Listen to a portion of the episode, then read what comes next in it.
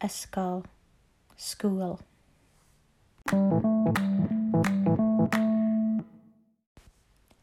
The vocabulary sheet in front of you is full of all keywords and key sentence patterns that's going to help you to complete the task set on ysgol, school. So let's start on the left. On the left, we have a list of school subjects. We've got the Cymraeg, the Welsh, in purple, porfor, and then we've got the Saesneg in black D.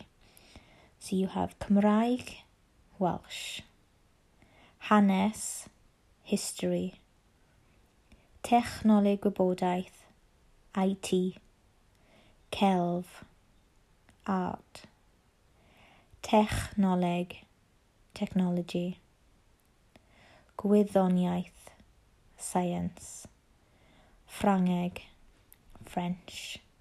Coginio, cooking, catering. Mathemateg, maths. Saesneg, English. Daearyddiaeth, geography. Drama, drama. Cerddoriaeth, music. Chwaraeon, sport. Addysg grefyddol religious education.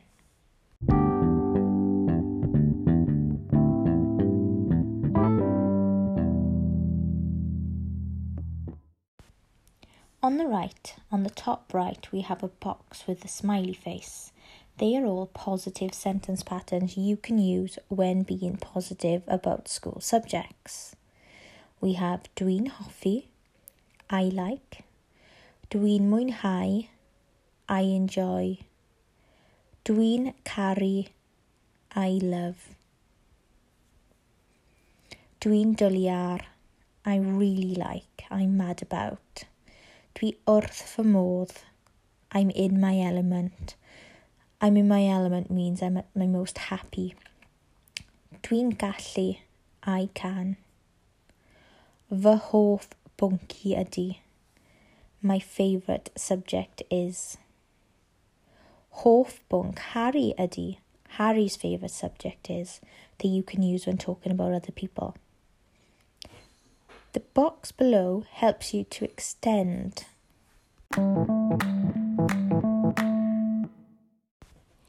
The box with the unhappy face are sentence patterns where you express your opinion in a negative way. So, dydw i ddim yn hoffi? I don't like. Dydw i ddim yn mwynhau. I don't enjoy. Dwi'n casau. I hate.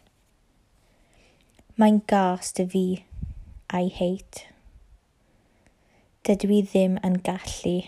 I can't.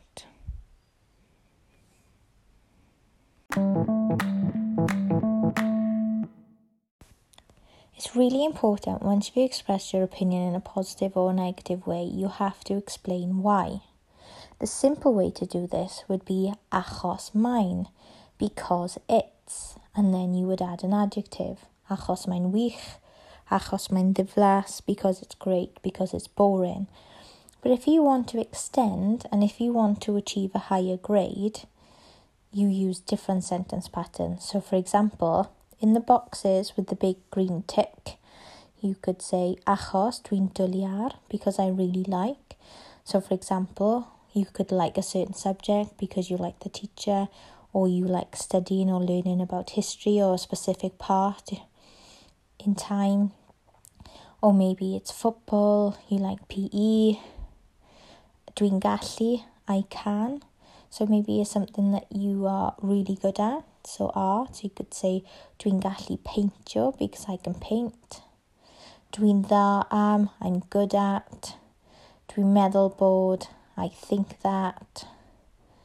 My blank yn. So for example, you could say Dwi'n hoffi Ffrangeg achos mae Madam Bowen yn dylentog because Madam Bowen is talented.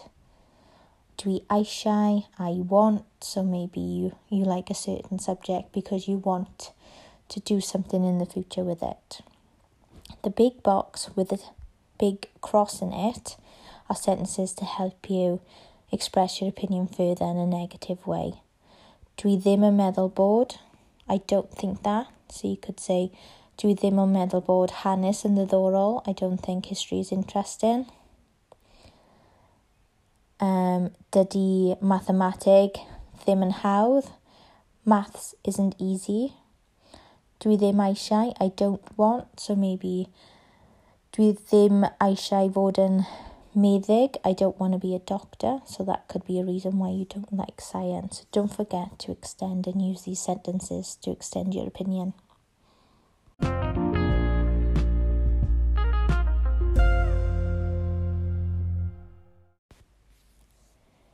Bottom two boxes on the left are really important. You've got questions that you can ask your partner if it's a speaking task or if it's a writing task is really important to include questions as well because it ticks that extra box that you're able to include questions. So there are four questions that I've given you to include. Beth ydy dy hoff bwnc? What is your favourite subject? Beth ydy dy gas? What is your least favourite subject? And don't forget, you can include beth wyt ti'n?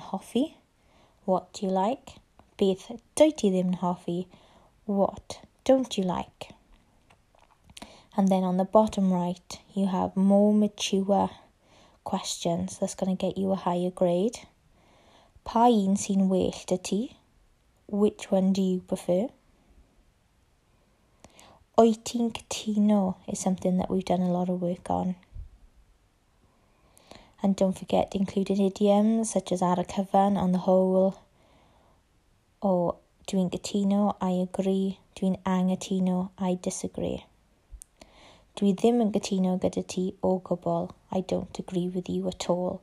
So the bottom box on the right are more mature questions and sentences that you can include to achieve the higher grade. So don't forget to try your best to include them. This podcast is just going over the help sheet to do with ysgol. So there is another podcast that will go with your piece of work set. So make sure that you click on that and listen to that podcast to go over the work set that you will need to complete this week. Don't forget to message me if you need more help.